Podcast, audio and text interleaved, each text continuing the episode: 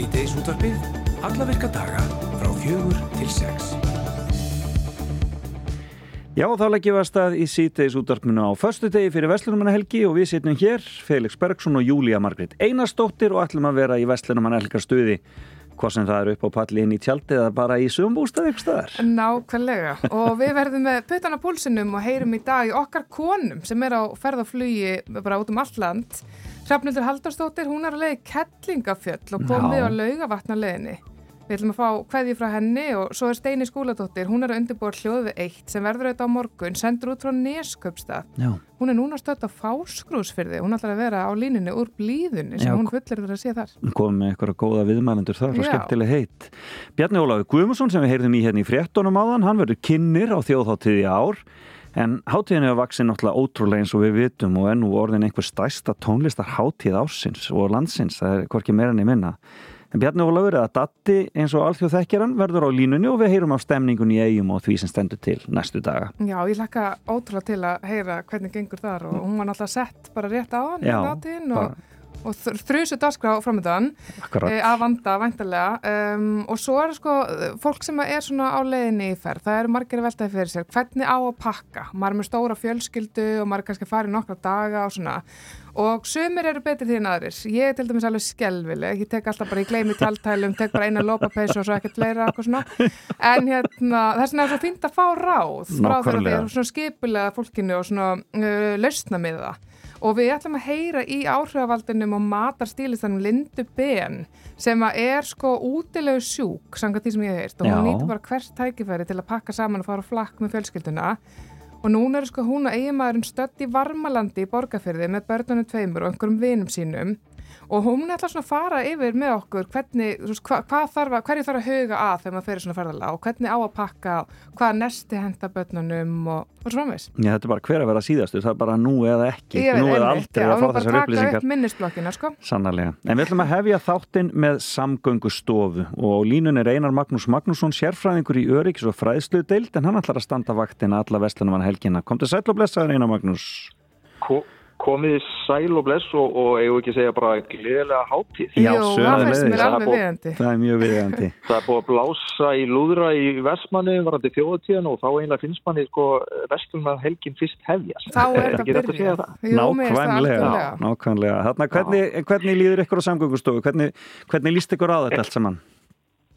Okkur líst uh, sko bara held ég mjög vel á. Uh, Það er, það er alveg óhætt að segja það eins og einhver sagði svo skemmtilega að íslenskir ökuminn eru til háborinnar fyrirmyndar. Já, ég vil eftir ekki á hvert þetta hérna- var að fara, sko.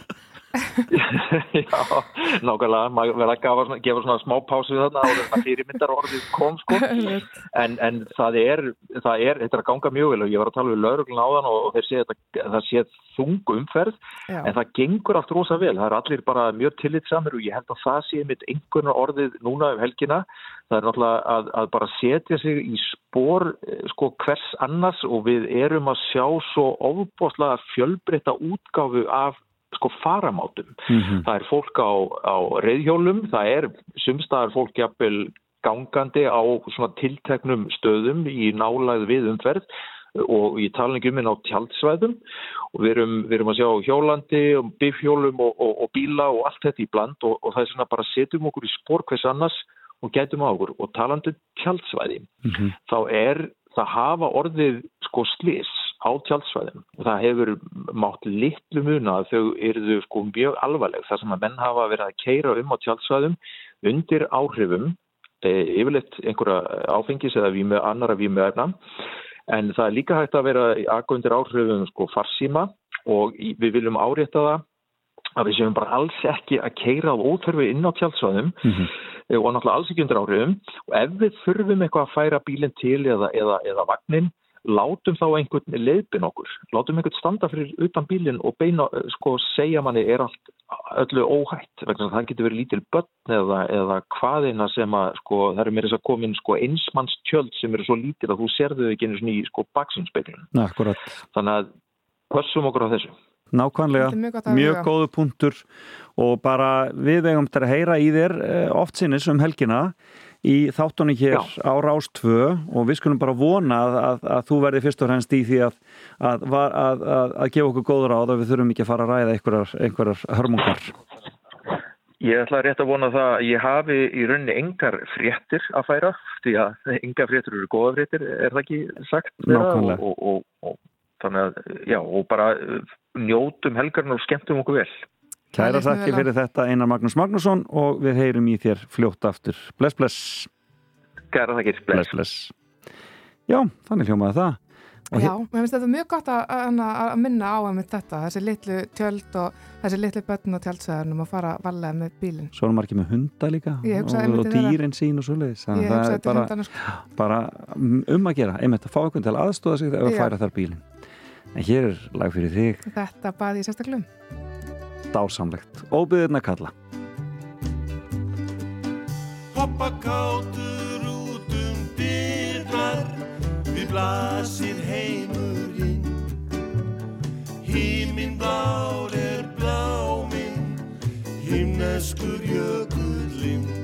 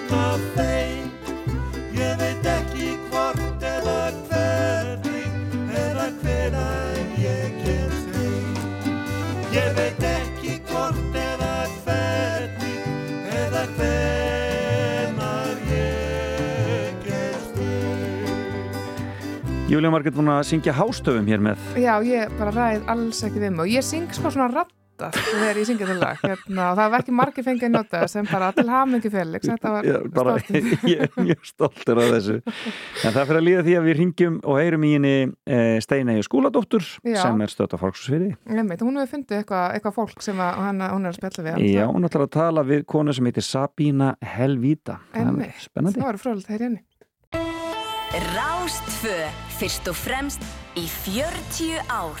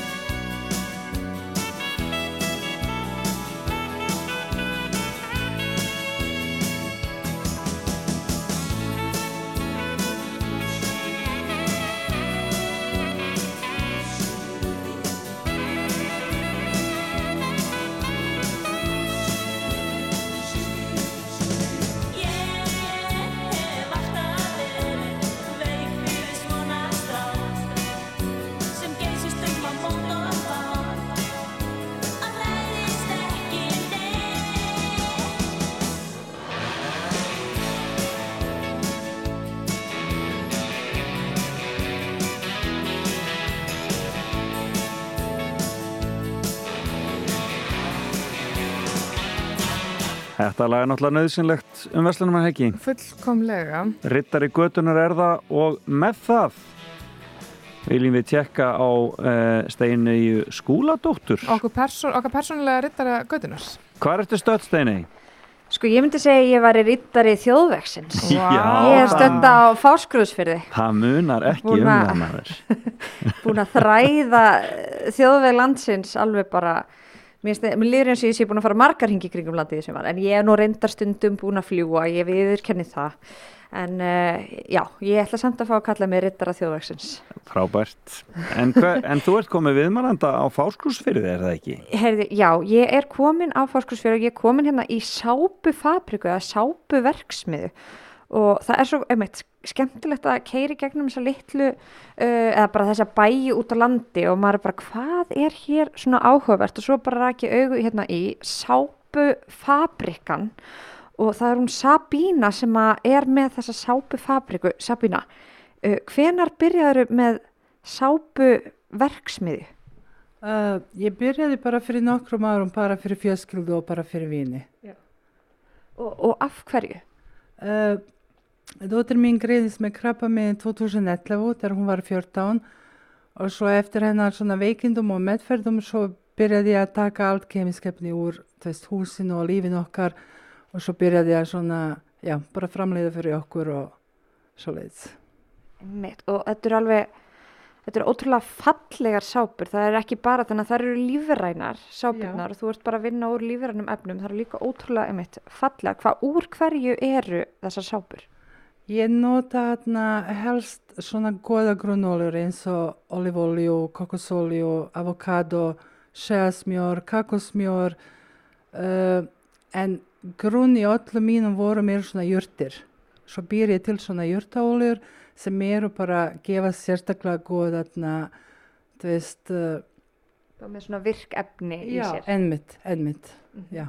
Og ertu þá að fá jurtir úr nágruninu eða? Já, ég bara týndi jurtir hér atna, uh, á Íslandi, þú veist eins og bara valhumall, birki, mjadjurt, uh, angelika og, og svo fleiri.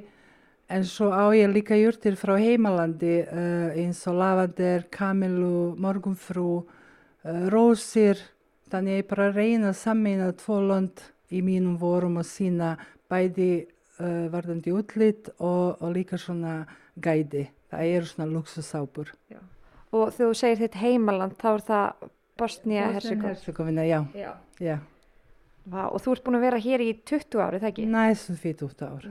20 ár einmitt og sko mér erst svo einmitt magna að skoða þessar uh, þessar mismunandi sápur og ég raka mitt augu það er sko alls konar það er hérna úr hemp og, og svona sem er náttúrulega mjög mikið í tísku núna og, og sítrunugras og það er hunang og alls konar svo sé ég hérna að það er bjór sápa bjór á maður að vera bera á sig bjór Björsápa er svona, ég hannaði hana sérstaklega sem austfyrsk sápu. Að því ég nota hérna bjór frá, sem er framleitt í Breiðalsvík og svo hérna sandur sem er líka frá Breiðalsvík og svo kindatólk eða reyndiratólk. Og þetta er bara svona lokal hráefni. Og uh, fyrir utan það sem er bjór rosalega góð fyrir húdina og er með svona uh, humlar í bjórinni eru svona uh, sem sagt uh, bjóða okkur uh, mikjandi áhrif á húdina og er líka hérna bjór er með fullt af vitamínum, B-vitamin og svona sem er líka bara gott fyrir húdina og hérna Já, uh, það er rosa gott að heyra þetta rétt fyrir Vestlurmannahelgina, hvað bjór er hollur. já, já, já. Og líka ég nota svona sandur og sand er líka bara að gefa okkur góð svona skrupp en samt rispir ekki húdina. Að ég nota fín sand. En ok, að þú ert að setja bjórin í, þú veist, gæti ég verið bara heima hjá mig, bara farið í styrtu, opnað einn ískaldan bóla og Og bara drekka. sett á mig. Eða þú veist, verið að hérna baða mig upp úr þeim bjór. Ég reyndar í sápur maður þarf bara fyrst að sjóða bjór til að svona losna við áfengi. Já, já, ok. Alkohóli má ekki verið í. má ekki fara og blandast með svona vítisóda og svoleiðis. Ok. En þú mátt alveg prófa að liggja í bjóri. Eða- um leið og ég kem heim. Heyrðu, takk kærlega fyrir þetta Sabína. Uh, það er mitt. Uh, er hægt að kaupa þessar sápur uh, það, annars staðar en á fórskrúsferði? Já, ég syns að uh, netverslunin verður í, í gangi kannski bráðum, svo verð ég með netverslun, en ég kom í svona nokkra staðir, þú veist, á Austurlandi. Nú er bara á eftir að kannski dreifa mig hér og þar Einmitt. á landi. Einmitt. Kannski einhver í Reykjavík sem að akkurat vil fara að selja sápur. Já, vonandi, vonandi. Heyri, ég ætla að senda boltan aftur til ykkar um, og halda áfram að þefa, það er rosalega góð lykt hérna. Ég ætla bara að vera hér í, í dag. Hljómar þannig, þetta er annað sápubúðir er það besta sem að kemur í sko. Segðu, sko. Já, Segðu. akkurat. Heyrðu, þú ætlar að vera á flakkinu áfram, Steinei. Já, ég ætla að halda áfram að þræða hérna austfyrði og verða á neistaflugi á, á morgun. Og verður þú búin að sapna þér einhver efni fyrir það eða verður það bara beint þaðan? Hvernig verður þetta hjá Eh, þér? Þetta verður svona bland. Ég Já. fór einmitt í brugghús áðan og talaði við hérna stráka sem er að vinna í bæjarvinnunni á fórskrúsfyrði og ég veit ekki hvað og hvað. Og ertu semst búin að jafna þig eftir bræðsluna? Um, svona rétt svo. að hluta til, Það verður nóg vonandi það búið. Heyrðu, takk Steinei, gaman að heyri þér og við heyrum í þér aftur á rástu í hljóðvegi eitt á morgun. Gerum það. Ok, bless, bless. Og við skulum bara skella okkur í tónlist að austan. Manst eftir hljómsdeinni Lólu. ég, hérna, já, menna myndum á Já, þetta er hljómsveit sem er frá Seyðisfyrði. Staðar á Íslandi, Og sko. spilaði alltaf, held ég, í Allavík, hérna í gamla þetta á um Vestlunumann helgi. dásanlegt, Gott ef þið unni ekki eitthvað tíðan hljómsveitakefnina þar. í Allavík Já, já, en svona, svona hljómar lægi þeirra.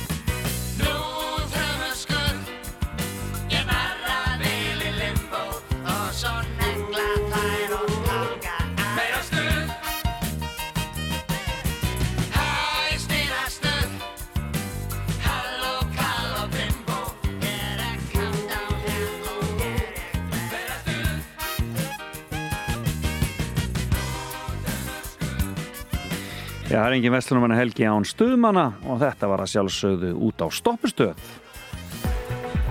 Veðurhorfur næsta sólaringin. Já, Júlía Margrét, ertu með þetta? Uh, ég held að ég sé ekki ein um að vera að skoða veðrið akkurat núna en sko ef að ég væri núna til dæmis að leggja af stað uh, í fyrsta lagi þá var bara fínt að hafa það í huga að það er mjög mikil umferð um, þannig að þólinn maður þrauti vinnur allar uh, er eitthvað sem að svona, mér var kent í æsku er eitthvað sem ég myndi hafa í huga fyrir ferðalanga sem er að ferðin akkurat núna. Mm um, sko besta veðrið eins og staðan er er fyrir austan. Og ég ætla bara svona að fara með uh, hvernig þetta lítur út næsta sólarhingin það er sérst söðaustlæga breytileg 3-8 metrar á sekundu víða skýja með köplum og líkur á dálitlum skúrum bætir í skúruna síðdeis á morgun yfirleitt þurft um landið norðaustanvert uh, hiti á bylunu 11-17 stig það er nefnilega alveg bærilegt til dásamlegt svona fyrir nor svona norður austurlandi akkurat núna um, og þar erum við að tala um bara sól við erum að tala um Næs. já, tíu stegi hiti en ég menn við köllum það sumar hérna á Íslandi Við glemdum að spyrja Steini.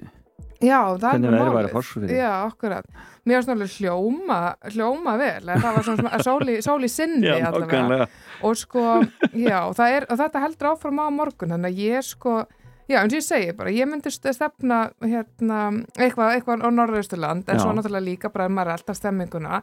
Og svo er bara líka fínt að hafa þetta í huga sem er svo ofta sagt, að þetta snýst bara um að búa sér vel það er alveg hægt að hafa gaman í, regningu sko. Ég held að sé bara sæmilega gott viður á landinu öllu um helgina, það er bara þannig. já, Það er bara svona ágætt. er það ekki bara? Jú, Já, það er aðeins á hérna, höfuborgarsvæðinu sem að regnir hérna uh, svona, er það kannski seint á morgun, snemma sunnudags en þá bara, ég meina það er Það er bara innipúkin. það er bara inni púkin ekkert hægt til rugl, já, okkur bara innan inni púkandi geta bara haldið sinni til það, þannig að ég held að þetta sé bara allt eins og að vera Sannarlega. En eh, Hrafnildur Haldursdóttir, eins og Markvátt hefur komið fram, er á ferð um landið. Var, nú að senda, var að senda okkur mynd frá Gullfoss og Geysi. Já, Eða Gullfossi, þar sem hún er bara, það er mikil bílamerð þar hjá henni. já, En eh, hún kom við á laugavatn í dag og eh, tók þar fólk tali. Þannig að nú skulum við bara heyra eh, hvað, hvaða ævintýrum Hrafnildur lendi í á þeim slóðum og eh, það hljómar nákvæmlega svona.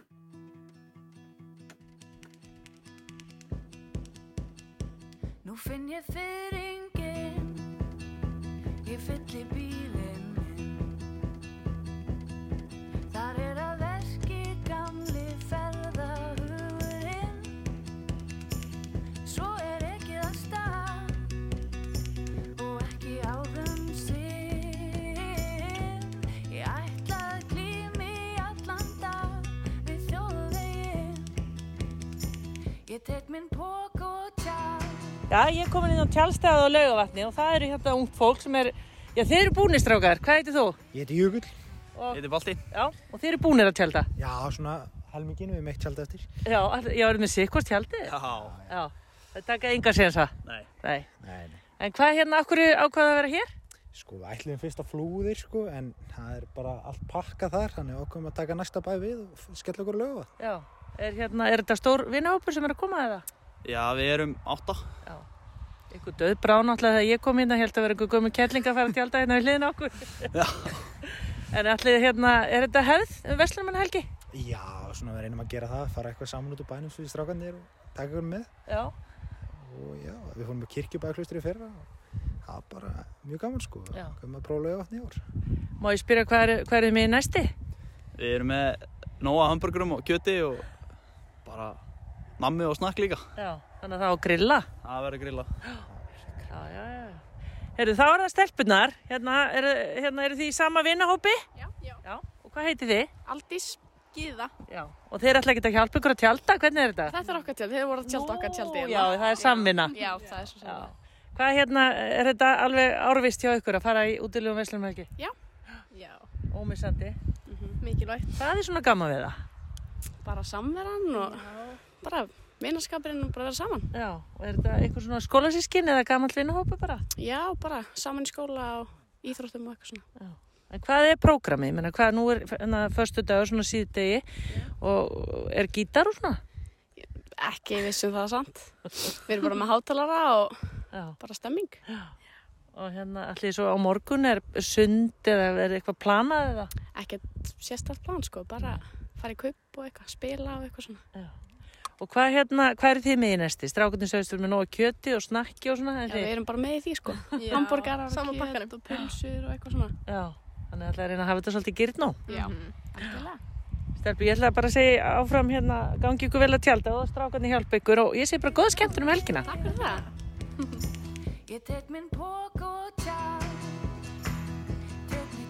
Ég fór hérna í þjónustumiðstöðuna, það er að segja vestlunina hérna á löguvatni og ég er nú að reyna að finna hérna og sikta út fólk sem er í svona, já, verðist vera að fara í útilögu. Hérna er eitt fjölskyldufaðir með, með tvö börn í aftursetinu. Hvað heitir þú? Ég er Thomas. Já, og hvað er verið að bralla? Erum við ætlum bara að fara að róla á völlin hérna á laugavatni Já. og við erum í bústæðina rétt hjá og við erum að fá fullt að vinum okkur í heimsókn og börn og fullornir og hafa gaman niður vestlumærkina. Já. Er þetta ómissandi að gera eitthvað um vestlunum en helgi? Já, maður er að nýta fríð. Og það hefur kannski verið öðru í þegar þú varst aðeins yngri, þá gerður þú vantarlega eitthvað annað og þú varst pappi, eða hvað? Já, maður fór einhver sjö ári rauði á þjóðatíð og það svo breytist lífið þegar maður eignast börn og hefur maður bara, hófum maður bara saman vinum og börnum og hefur gaman í bústað. Já. Og hvað ætlaði að gera? Er það einhver sérstök dagskrá? Við ætlum að reyna að vera með eitthvað svona leiki og láta fullorna börn keppa. Já. Vera með alls konar eitthvað Pókarhlaup og fleira? Já, kupp og pókarlaup og eitthvað húla húla ringi og alls konar. Já. Og þið eru vantarlega búin að liggja yfir veðuspanni hérna á laugavættan ágrinni? Já, hún lítur ágætlega út svona að maður horfir á jákvæðstu spannar. Já. Þannig að þetta verður bara geggjað. Já. Þá segi ég bara góða skemmtun. Takk fyrir. Glýmt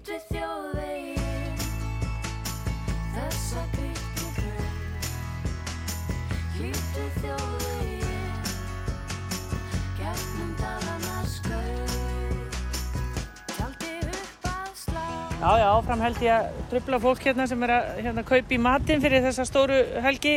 Ég ég konu sem er á risastónu bíl. Hvað heitir þú? Ég heiti Ingi Björg. Hvað er þið að koma eða er það að fara eða hvað er að gerast? Herðu, við erum í svona millibili. Við erum að koma af hálendinu, búin að vera þar í 8 daga ferðalagi, keira tæplega 1500 km og erum að leiðinu borg í Grímsnesi á Harmaníkubal. Já, þetta er snið. Þið notuðu hérna vikuna eh, í hálendisferð og, farið, og endi svo vestlunum helgin á Harmonikubali. Já, það er ekkert betra en það sko. Nei. Og hvernig er búið að ganga? Ertu fara, búin að fara á, á þið og skemmtilega staði?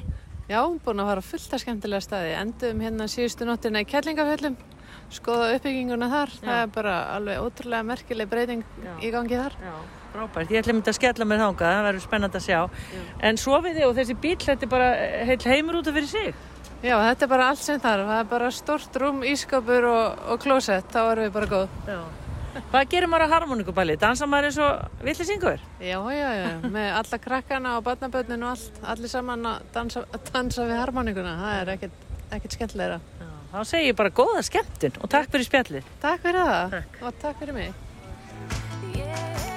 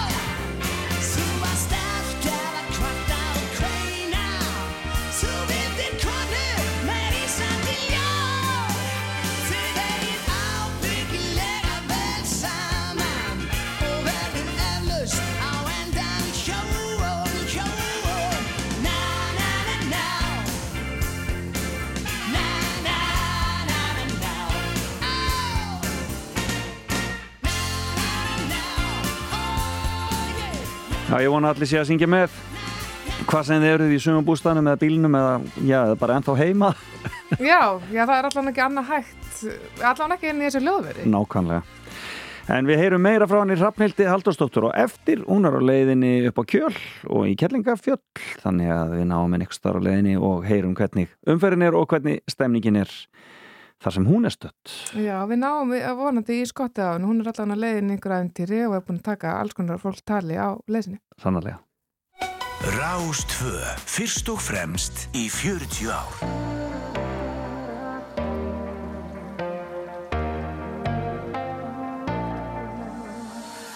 Þú skilur mig líkt og þú lesir hugsanir Kottu til mín og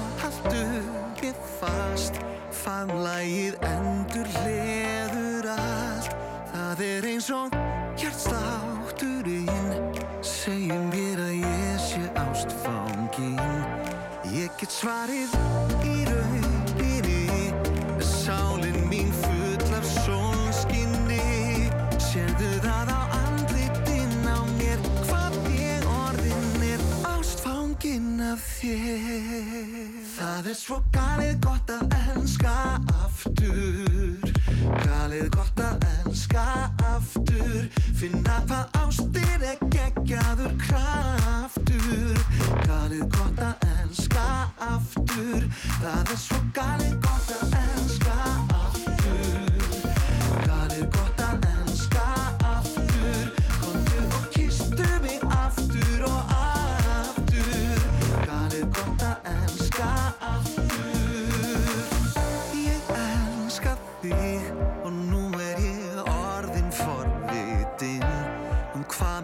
gerast á morgun og hinn. Best að hleypa almættinu inn. Sama gamla tilfinningin En bara miklu betri þetta sinn. Núna er ég eins og unglingur Betri lífsreyndur En þá sjóðeitur. Það er svo galið gott að elska aftur. Galið gott að elska aftur Finna það ástir er geggjaður kraftur. Galið gott að elska aftur. Það er svo galið gott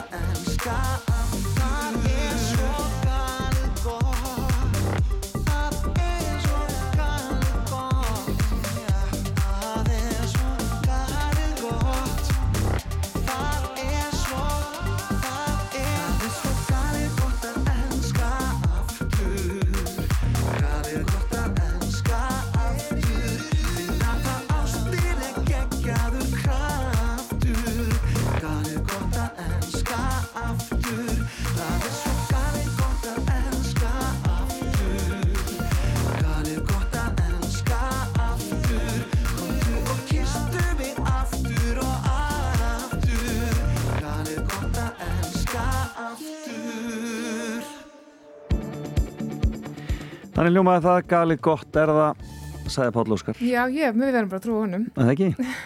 Ég ætlaði að benda fólki á þennan frábæra þráð sem er í gangi inn á rúf.is frétta þráðin okkar þar sem við verðum að fylgjast með ímsu í sambandi við Vestlunarhelgina Já, mér líður svolítið svona þegar ég er að skoða nefnir eins og sé eitthvað svona stórkvæslegt að gerast Já. sem er náttúrulega eitthvað, þetta er einu svona ára en maður verður að, kemur alltaf eitthvað sami fyrringurinn og við erum eitthvað svona saman í einhver svona styrlari gleði manni Nákvæmlega og, Og er, já. og þetta er mjög, er mjög skemmtilega þráður og þannig til dæmis sko safnaðir saman uh, er ein frétt sérstaklega um hvað er í gangi um Vestlunarhelgin og það er alveg ótrúlega mikið Já. sem að nær þar inn og, hérna, og annað sem vantar skilur þannig að þetta er bara, það er, það er ótrúlega mikið að gerast Akkurat, fyrir þau sem ekki enn búin að ákvæða sig þá Já. er þetta kikið þarna inn og líka bara svona, þetta er bæði skemmtilegt og náttúrulega líka alls konar svona forvarnir að fara yfir alls konar örgismál og svona sem er fínt að hafa í huga ánulegt að stað. og fylgst með, fylgst með umferðinni til dæmis er hérna vitnað í vitnað bara að nýjasta fréttin vitnað í hann Átna Freyðinsson eða ekki bara, já Átni Freyði Leifsson fyrir gefiði, aðalveg varstjóru umferðadeildar og hann segir að umferðin hafi gengið mjög vel í dag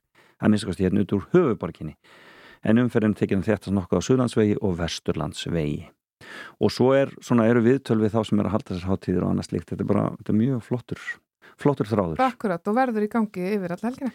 Frábært, við ætlum að taka okkur smá pásu hér og hleypa 5 fréttunum að en svo höldum við áfram í síðust og þurfum við fáum eitt gott írafárslag og eins og áður, endilega bara syngja með. Er þetta ekki Vestlunmann Helgar músikinn sem hún gerist best? Jú, þetta er svona, ég, þetta er akkurat, hérna, þegar ég var akkurat úlingur þegar þetta er að koma, þannig að ég kemst í algjörstuð. Hér er Birgitta, heyrumst aftur eftir 5 fréttir.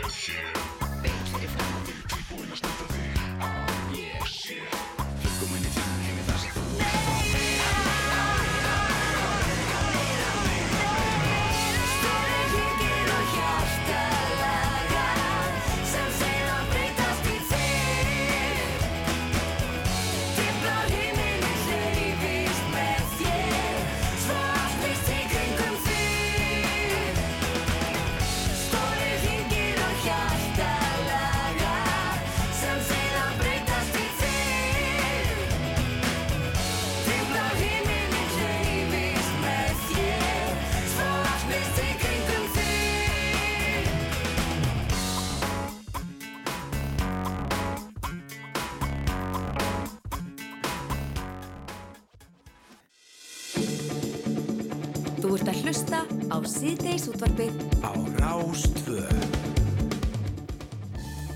Það er komið að setni helmingnum hjá okkur Felix Bergsinni, ég heiti Júlia Margrét Einarstóttur og við ætlum að vera með ykkur til klukkan 6 hérna í síðdeis útvarpinu sem er með svolítið svona óhefbundnu sniði í dag vegna þess að við erum að rása um landið eins og við kallum það Nákvæmlega. og ætlum að fara já, um víðan völl og svona taka púlsin á ferðarlöngum all land. Já, Rástöðu er búin að gera þetta í 40 ár við hættum þessu ekki Nei, engin ástæða til. Engin ástæða til. Við ætlum að heyra í henni Hrafnildi Halldórsdóttur sem að er á leiðin í Kellingafjöll, hún verður aukstar á Kili og segir okkur af upplifuninni þar, hvernig stemningin er á leiðinni. Heyrum í henni hér og eftir, við ætlum líka að heyra í uh, já, góðri konu sem heitir Linda uh, Ben hún er útilegu sjúk, segiru Já, þetta, það, þetta er það sem ég hef heyrt Þú hefur heyrt og hérna, þetta, ég ætla að spyrja hana hvort þetta sé ekki alveg ábyggla rétt. Ég veit alltaf að hún er mikið fyrir útilegurnar Já. og hún gerir það sem um eins og ég koma að sinna á þann. Hún kann að búa sig undir þær sem ekki allir gera Akkurat. og er með alls konar svona, þekkir alls konar sniður og góðar lausnir fyrir fólk sem er á leiðinni og vill ekki gleyma neinu, vill hafa allt á hreinu og ekki fatta eftir halva leið að þetta hefði mátt, já, pakka öðruvísi. til Og svo ætlum við að heyra í Data Bjarna Já, Ólafi Guðmundsson hinum í eina sanna. en það verður hér eftir smástund. Þá ætlum við að ringja til eigi og heyra í kynni þjóðháttíðar í ár. En svo er það náttúrulega bara Vestlarmann Helgar músikinn sko. Auðvitað, og þetta er náttúrulega klassik og góð spurning. hvers vegna varst ekki kýr bara heima hjá þér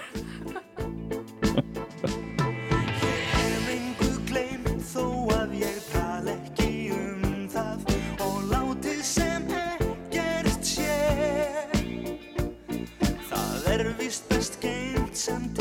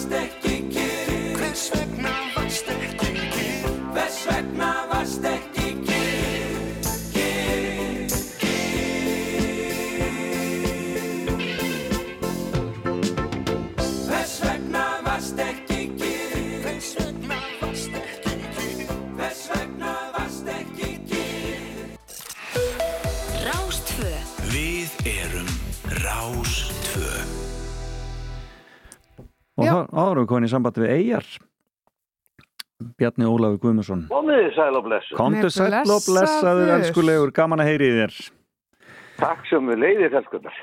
Já, það er bara, ég meina, maður verður auðvitað að byrja á því að spurja, sko, hérna, já, hátíðin þjóðatíð var sett fyrir svona um það byrjum tveimur klukkutímum. Hvernig er stemmingin? Stemmingin var bara alveg indisleg, sko. Við vorum auðvitað í frábæri veðri inn í Herjálfsdal. Við höfum bara við alveg ótrúlega heppin undanfærin ár með veðrið á setningu þjóðatíðar og svona heilt yfir bara á hátíðinni. Já.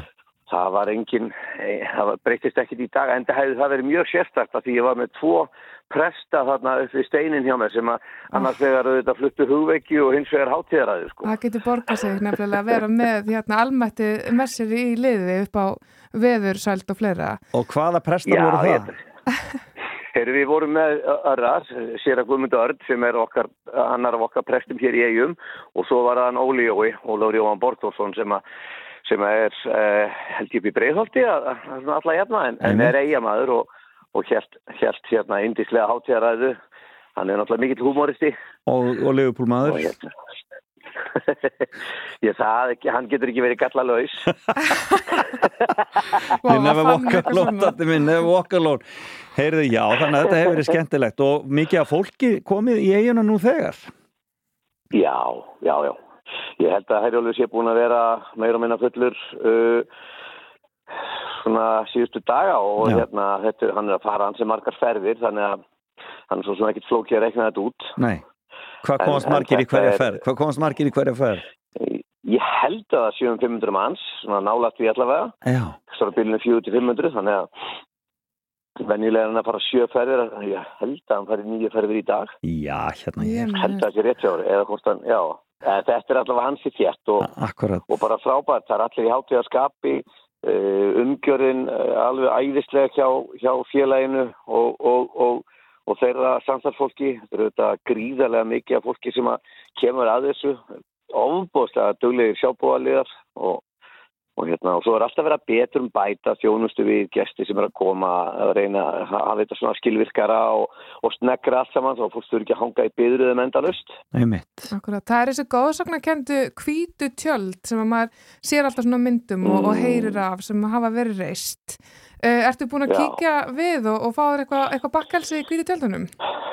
Já, já, já, já, við vorum auðvitað með rækju bröðtertu og, og, og, og perutertu og, og, og, og hérna og ein- einhverja fleiri marins rétti og svona sko hjá okkur og svo fórum við að fekk sér pönnuköku í tjaldinu við hliðina og, og það, þetta er bara maður náttúrulega getur ekki komið annað en pakk sattur úr dalnum sko. Ég heyri að það verður ræktin, það verður ræktin eftir helgina sem sagt. Já, við spáum í því síðar. Spáum í því síðar. En, en Datti, þú ert náttúrulega eh, eldri en tvævitur og búin að fylgjast vel með þjóðatíð í mörg ár. Er ekki búið að vera ævindur Mm. að sjá þennan vöxt á þessari hátíð svona undanfæran ár? Jú, jú, jú, hann er bara það, sko ég búin að vera þarna kynir síðan 2006 og þegar ég byrja þá var þetta svona allt með svona öðrum brag, við vorum alltaf með minna, minna svið eh, sem var bara gert úr gámum og aðstæða miklu svona óþægilegri kannski það minni í sniðum fyrir, fyrir, fyrir hérna listamenn og svona Nei, nei. sko, nú er þarna risastort, risastort hús og, og hérna og tveimur hæðum og öll aðstofa alveg til fyrirmyndar. Jú, þetta er að gríðarlega mikill munur og svo bara önnur kistla í gangi. Þetta er náttúrulega Já. Bara nánast me meira eins og tónlistarháttið sko. Akkurat, ég var einmitt að segja það. Þetta er svo tón, stærsta tónlistarhátíð ársins einhvern veginn á landinu. Já, já, já, Það er bara þannig. algjörlega Já. En og hverju- við erum já. sko, þetta eru náttúrulega Og þetta hverju- eru þrjú kvöld Já. Eh, málið. Hvernig verður dagskráin í kvöld til dæmis? sko, unna torfa þeir, það var náttúrulega barnaskemmtun á þann sem Já. MC Gauti, Jópi og Króli og svo leikfélag Vestmanni voru, voru með og síðan hérna eh, eru í kvöld byrjar þetta á unnu torfa og svo koma eðstelpunar okkar unna og, og, og Sara og þar á eftir kemur Diljá og svo er það hérna MC Gauti þetta og, og uh, hans hérna þjóðtíðar lag, frumflutningur á þjóðtíðarlega í Vestmanni Já, er það alltaf En- einhver ákveðnum, en- á einhverjum ákveðnum tímapunkti á föstaskvöldinu eða hvað? Já, yfirleitt er þetta svona um, ég að segja tíu, halv ellu, veit hvað svo leiði sko. Já. En, en svo má ekki gleyma því að stjórnin er að koma og Nei. taka, taka lægið líka á kvöldvökunni. Það verður að vera. auðvitað. Já, það verður aðeinslegt sko. Og svo klárar, í- herra Netusmjör klárar þetta fyrir brennuna. Já. Þannig að, hérna, þannig að það er, við getum sagt að þetta er, þetta er bara dagskar fyrir, fyrir alla aldurshópa. Þannig að það er, það er, það semst, og, en, og er, þá, er þetta þá búið þegar brennan kemur uh, í kvöld? Nei, nei, nei, nei, nei. Þá er þetta rétt að byrja. Já, akkurat. Já, svo kemur miðnættur tónleikar með MC Gauta Já. Og svo eh, svona um eitt leiti þá koma XXX Rottweiler og Sprækjur og Klan, Jópi og Króli, Hugo, Big Sexy, Husky og Lil Curly. Þannig að, og á tjafnasviðinu sem er svona litli pallurinn sem við einmitt. þar verða hérna frábærar eigarhljóstir Brimnes og Mem sem að það er oft, þar stundum að taka úr sambandi á mándagsmótnum þegar að, þegar að á, á, menn vil ekki hætta En bara. menn er, nei, menn vil ekki hætta, ég meina, þú veist, það er svo langt í næstu að- þú getur rétt ímyndaðir, þú veist, á, á, Já. þá bara fara menn að hugsa býtu, við getum ekki hægt. Nei. það, er, þú veist, það eru 365 dagar í næstu hátíð. Algjörlega Þetta er almennilegt sko, ég, mér líst vel á þetta. Já, líst vel á þetta, en ég vona að fólk skemmti sér bara fallega, er ekki bara, er nokkur ástæð til að ætla annað?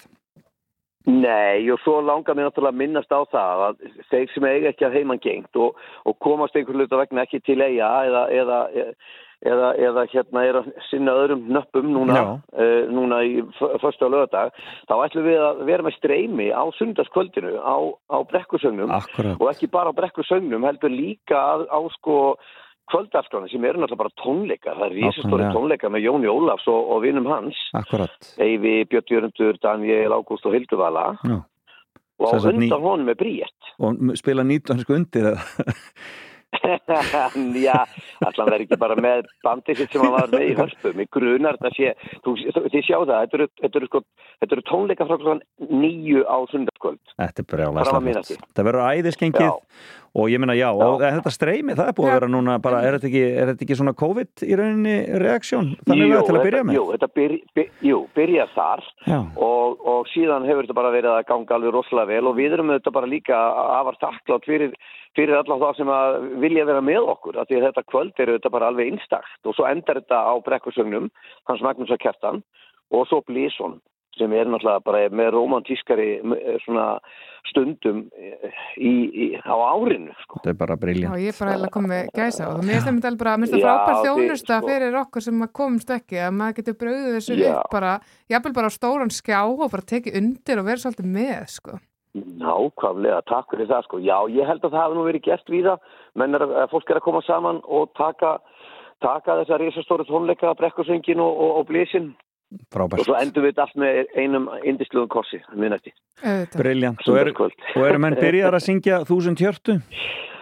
Já, elskar mig góða. Allir búin að Ég, læra sko, þetta? Er svo heppin.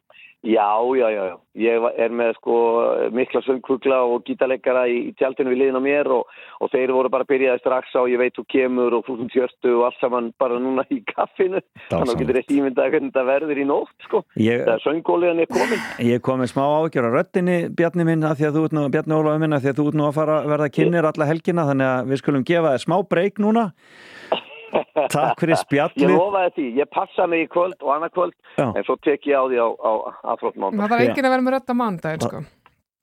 Nei, Ald, enga. Aldrei að vita en við tjekkum á þér þá Takk fyrir spjallið Dati. Njótið og kær kveða til eiga Já, takk sem leist, takk, takk. Bless, Bye-bye. bless. Og skellum okkur í smá MC Gauta Og kór Þúsund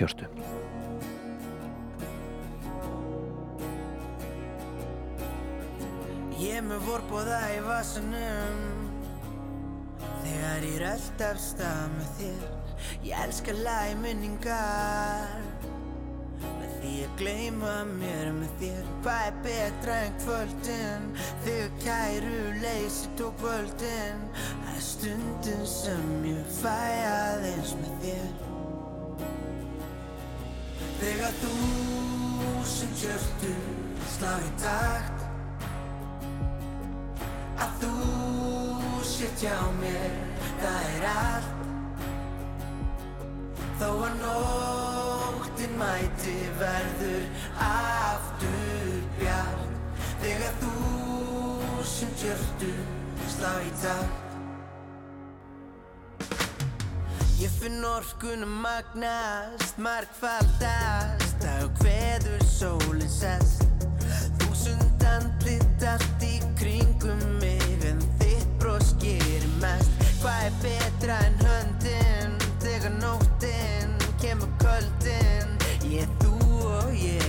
ég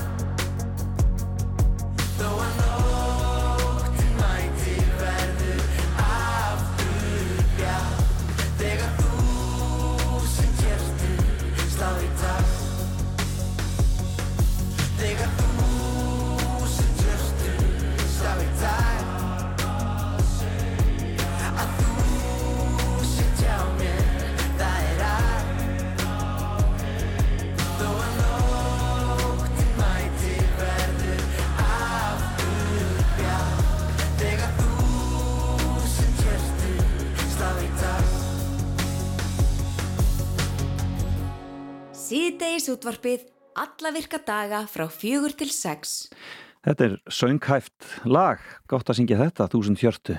Já, emmi. Flott lag. Fínt að fara, já sko, maður má ekki setna vera að maður byrja að læra þetta gítar og, og, hérna, og læra kórinn og svona. Nákvæmlega. Þetta verður sungið ábygglega mikið alla helgina. Það er ég alveg sannfærður um.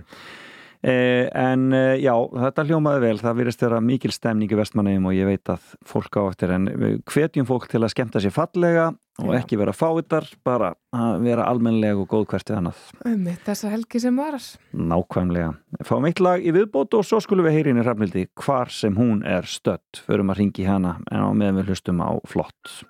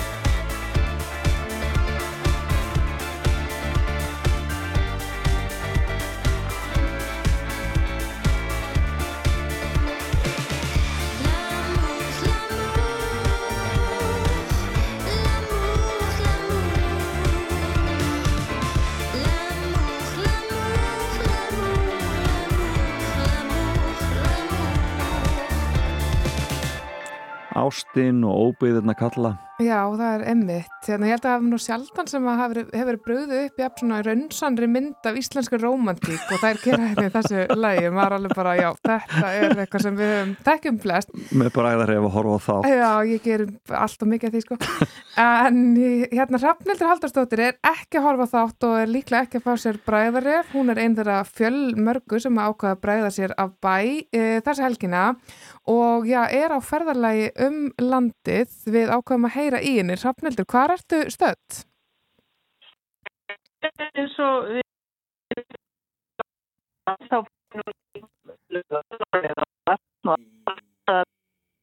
Hún þarf að koma sér upp á þetta er góðan þetta Hrafnildur, nú er Hrafni, þú ert eftir aðeins út núna, ertu upp á einhverjum góðum hól?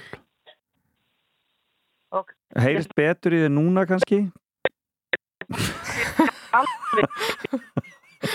Nei. um, Nei, Habi, þetta er ekki að ganga Þetta er ekki að heyrðu ganga ekki í mér núna Nú heyrum við þér, nú heyrum við þér það var, í þú konunni, var- sko. Varst ansið brotin svona framan á en, en, já, en, en, hvað ertu stödd sem sagt?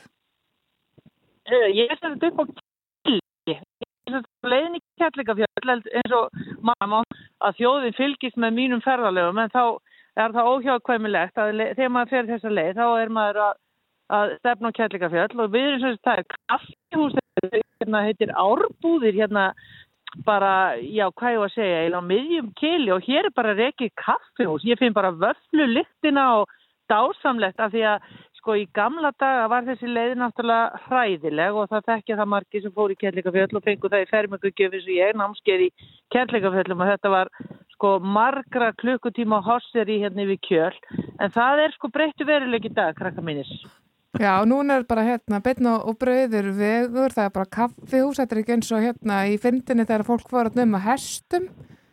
En það er Nei, svolítið síðan. ég- Já, en það er sagt, við erum að fara að skoða uppbygginguna í kærleikafjöldum og uh, hjóla og ganga og gera ímislegt. Þannig að ég mun nú í mér heyra um helgina þaðan. En ég ætlaði bara að segja ykkur að það er sagt, var að þéttast umfyrir sendir búin að mynda af geysi og gullfossi og það var sko, ég hef, ég taldi bílana en þeir skiptu hundruðum sko.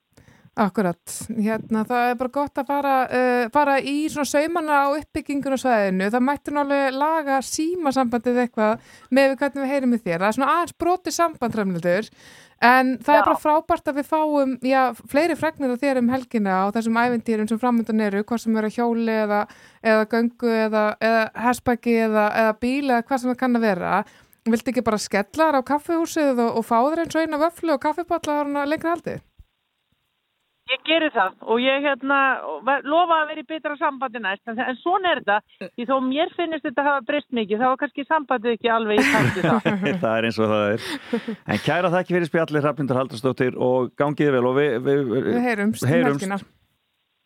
Takk fyrir það. Já, bless, bless Já, þetta er svona, það er ekki alltaf það er ekki alltaf jólin í þessu Nei, ég mitt. En ég er sérstaklega spenntur að heyra frá Hrafnildi hvernig uppbygging hann í kettingafjöldum er að ganga? Já, mig er bara að langa í þessa vöflu og bara hérna, og ég veit líka að hún er búin að vera mjög spennt uh, fyrir að, kíkja, þetta er nú svæði sem hún, henn er alveg kunnugt um og, hérna, og það er svona, hún hefur séð það svolítið með eigin augum í gegnum með hvernig uppbyggingin er. Og hún hefur verið mjög hröð og þetta er vist orðarlega æðislegt bara. Já, þetta, sko, þetta var náttúrulega skíða, skíðaskóli þarna í mörg, mörg ár og mín kynslu, við fórum hann maður fór og bjó í hérna í hérna, þrýhyrningshúsunum sem þannig voru til þess að fara í skíðaskóla.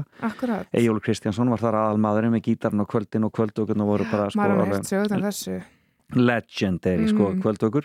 Eh, en síðan er að verða einhver heilmikil uppbygging hérna núna og svona meiri svona, já svona já hvað er þetta, glamping er það ekki svona Já. Sko- glamurous, glamurous camping glamurous hérna hálendistúri Já, veistu það, glamping bara sem eitthvað fyrirbæri sem einmitt ég var að kynna sem Já. er einmitt svona að fara í útilegu án, eða svona með svona luxusútilegu þar sem að maður er bara með já, rafmagn og hárblásaran og sléttujátni og þetta sko. Það er eitthvað sem henda mér, ég verð bara við ekki en við vitum að við til hvaða lag uh, Hrafnildur Haldursdóttar er að syngja í kvöld enn ekki hvað, þetta er óskalagið hennar. Tók í tempo. Fjólublótt, tók í tempo að mættur ásamt klíkunni. Já, Fjólublótt ljósið barinn og nú treyst ég því að allir syngi með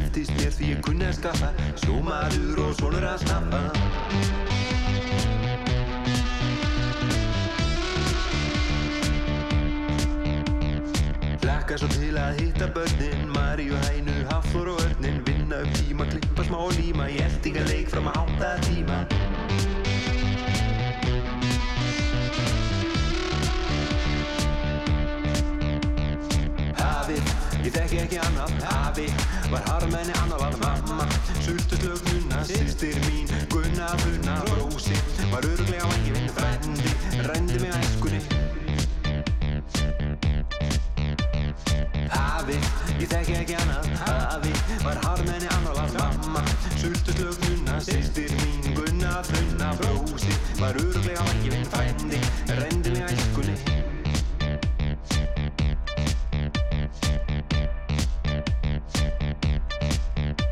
En þegar heim er komið býður mín flaskan og á tröppunum stendur ferðartaskan Erla góða fór með vini á hestbak síðasti túr hann kerði um þverbak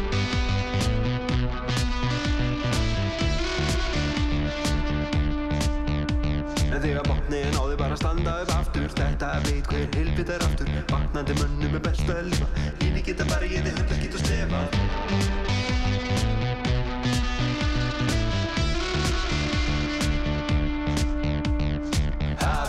ég þekki ekki annað Hafi, var harmenni annað var mamma Sultuslög nunna, sýstir mín Gunna, funna, brósi Var öruglega vangi vinn frendi.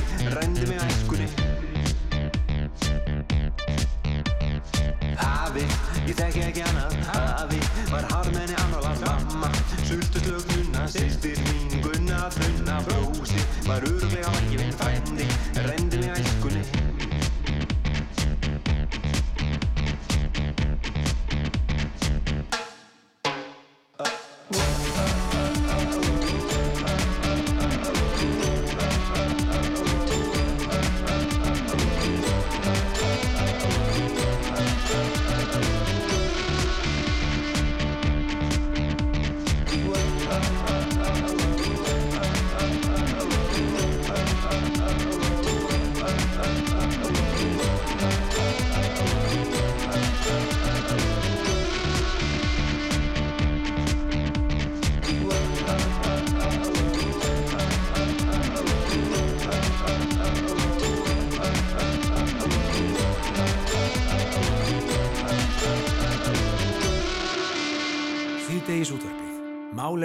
líðandi stundar.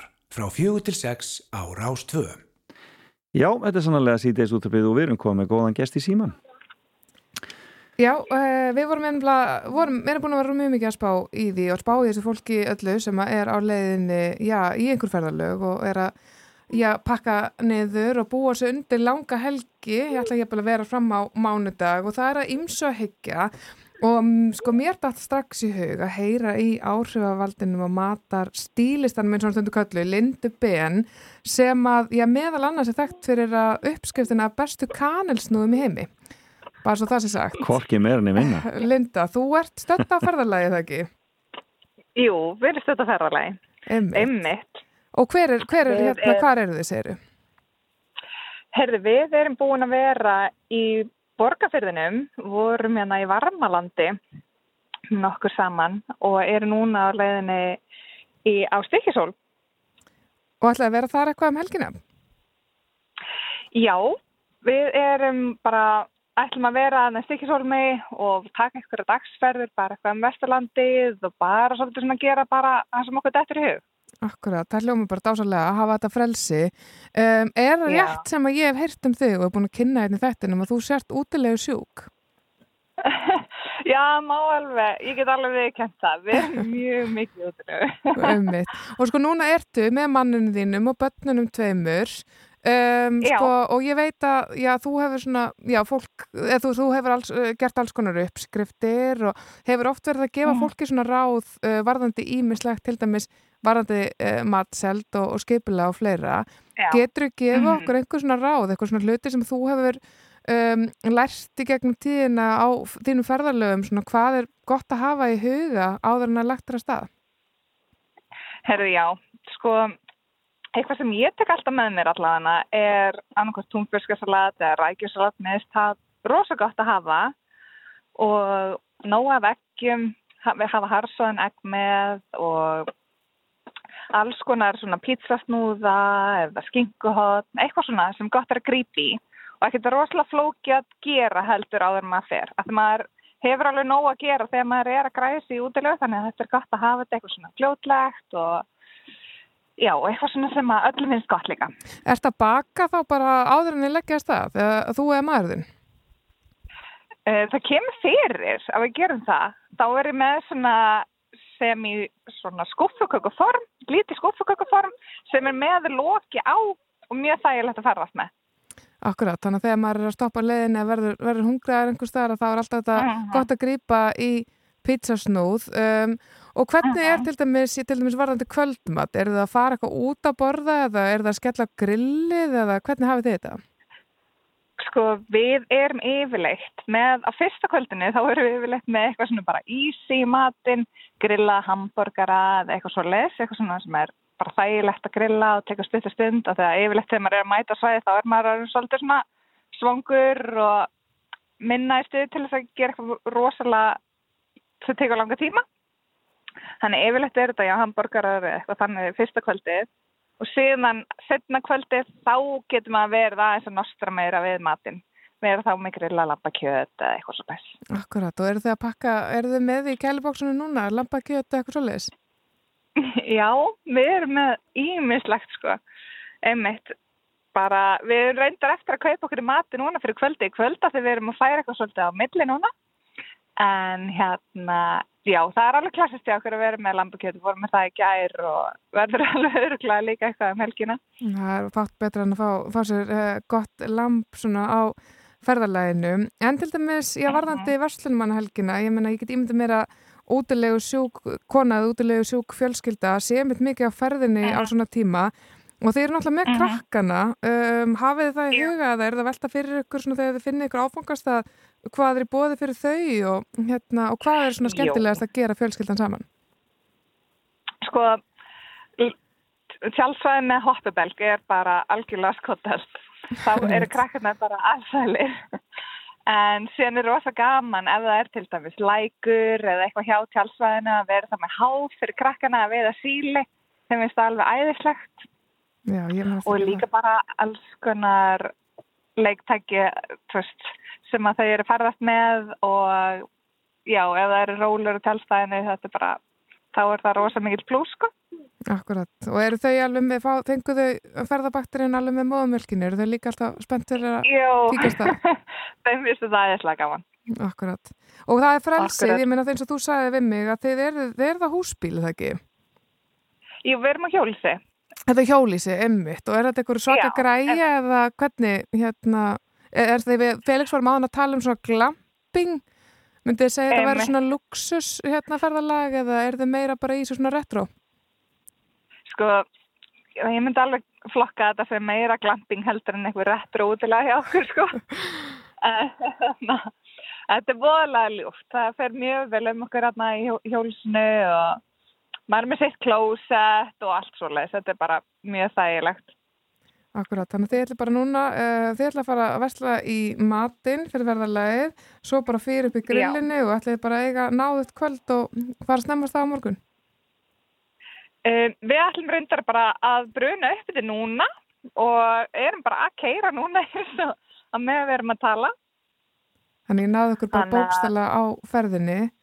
Uh, Já, hérna, já, það er fínt að hafa þetta í huga og gott að hérna, fyrir Mhm. fólk sem er kannski að leggja stað og er að veltaði fyrir sig hvað er þetta að grípa með. Mér líst mjög vel á að, hérna, að eh, taka með sér pizzasnúða, hvort sem þeir eru heimabakar, en það líka bara hægt að grípa á ferðinni, Já. rækjusalat, mm. túnfisalat, uh, Mhm, hamburgerar, lambakjött, ég held að þetta sé alveg bara skotast. hamburgerar fyrsta kvöldið og séðan eitthvað aðeins loknar sem er setna kvöldið. Einmitt. Að það er algjörlega klassist, sko. Byrja og já, verður með gott pressukaffi fyrir morguninn og að hafa pizzastein reynda með sér og geta grilla pizzu, það er ótrúlega sniðu. Akkurat, margir sem eru að gera það þessa dagana sé ég. Já, akkurat, það er algjör snild, sko. Briljant. Linda Ben, Mhm. kærar þakki fyrir spjallið, gaman að heyri í þér og ykkur og, og njótiði helgarinnar hvar sem þið eruð. Já, takk fyrir og sömu leiðis. Við heldum áfram að fylgjast uh, með ykkur og bara fara velega. Ég vona að finna sem flesta hoppu belgi og við bara uh, heyrum ykkur síðar. Já, gera það. Bless, ok. bless, bless. Bye. Og við höldum áfram í vestunumanna helgar tónlistinni. Auðvitað. Síðanskinn sól, næstir. Hendur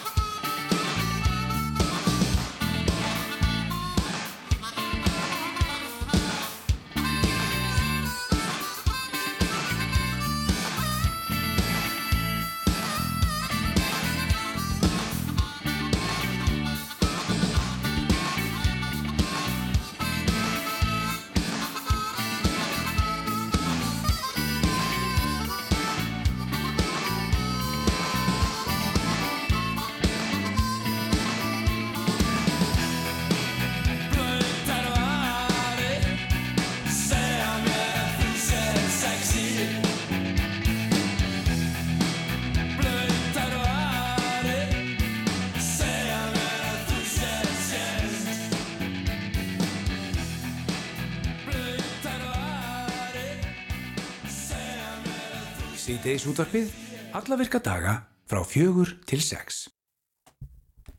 Þannig hljóma það, blöytar varir voru það. Já og uh, hljómsveitinn síðanskinn sól en það er gaman að heyri Lindu Ben, hún er greinilega í miklu stuði. Já, ég verða viðkynna að það er eitt sem fór svolítið að hrjá mig eftir þetta spjall og, Og það er það? svengt. Við vorum að tala svo mikið um gyrnilegan mat og mér fara að langa svo mikið og líka það er eitthvað svona alveg sérstætt við svona útilegu mat. Hjá mér er þetta sko bollasúpa, það er gráfíkjukeks, Ég skil þig, já, kaffi sem að, hérna, pappi heitir upp á, á prímus.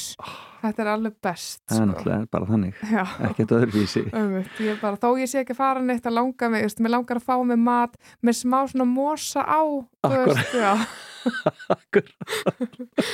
ég var alveg komin sko. Það er nokkvæmlega, já, gaman að stoppa eitthvað stórt í vegakanti og það er kannski smá rigningar úði en maður lætur sig alveg hafa maður er með eitthvað ponsjó sem að maður fann í sko. hendir yfir þetta er bara- nákvæmlega þannig og svona, já, svona og hérna agurkurnar það er svolítið sokki svona, það er best, ofan ég á, hérna, elska þegar það eru komnar inn í brauðið, bara Já. að bóra sér leið Já. bara, ó, og það er svona alveg, ó, fest Jésús, já, við erum hægt að tala með Já, nákvæmlega, fáum smá músík og uh, svo fyrir við að klára þetta.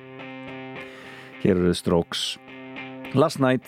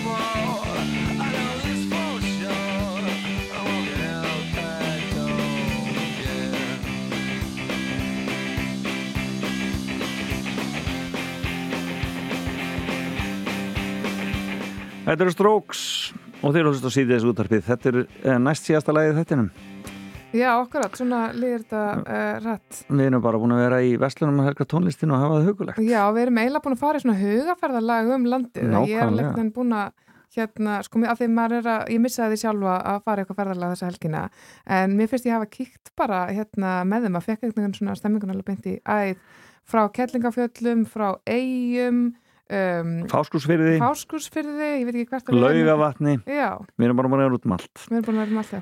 E, Við minnum á þráðinn en á rúf.is og við minnum á Darskra og Rásar 2 alla helgina, e, heiða Eiriks kemur hér á eftir og svo Ingi Þór og svo haldur þetta áfram, við höldum að ráma rásum landið, njótið ykkar hvar sem þið eruð. Takk fyrir daginn. Verðið sæl.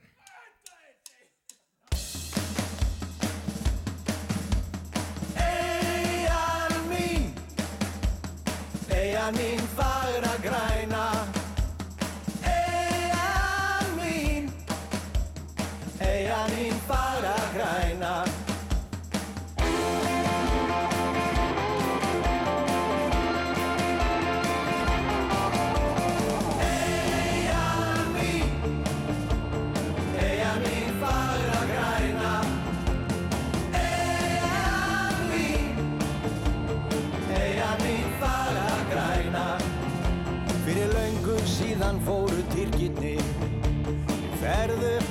að Íslands ströndum Í vestmanna eigum ætluðu sér Alla taka höndum.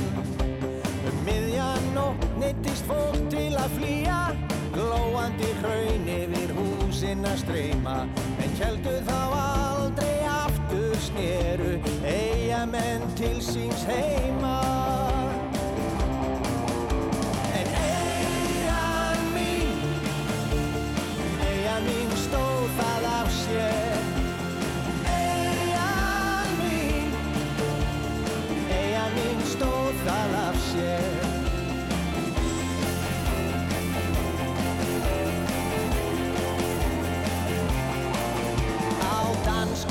Eldri síldu nín og bræður.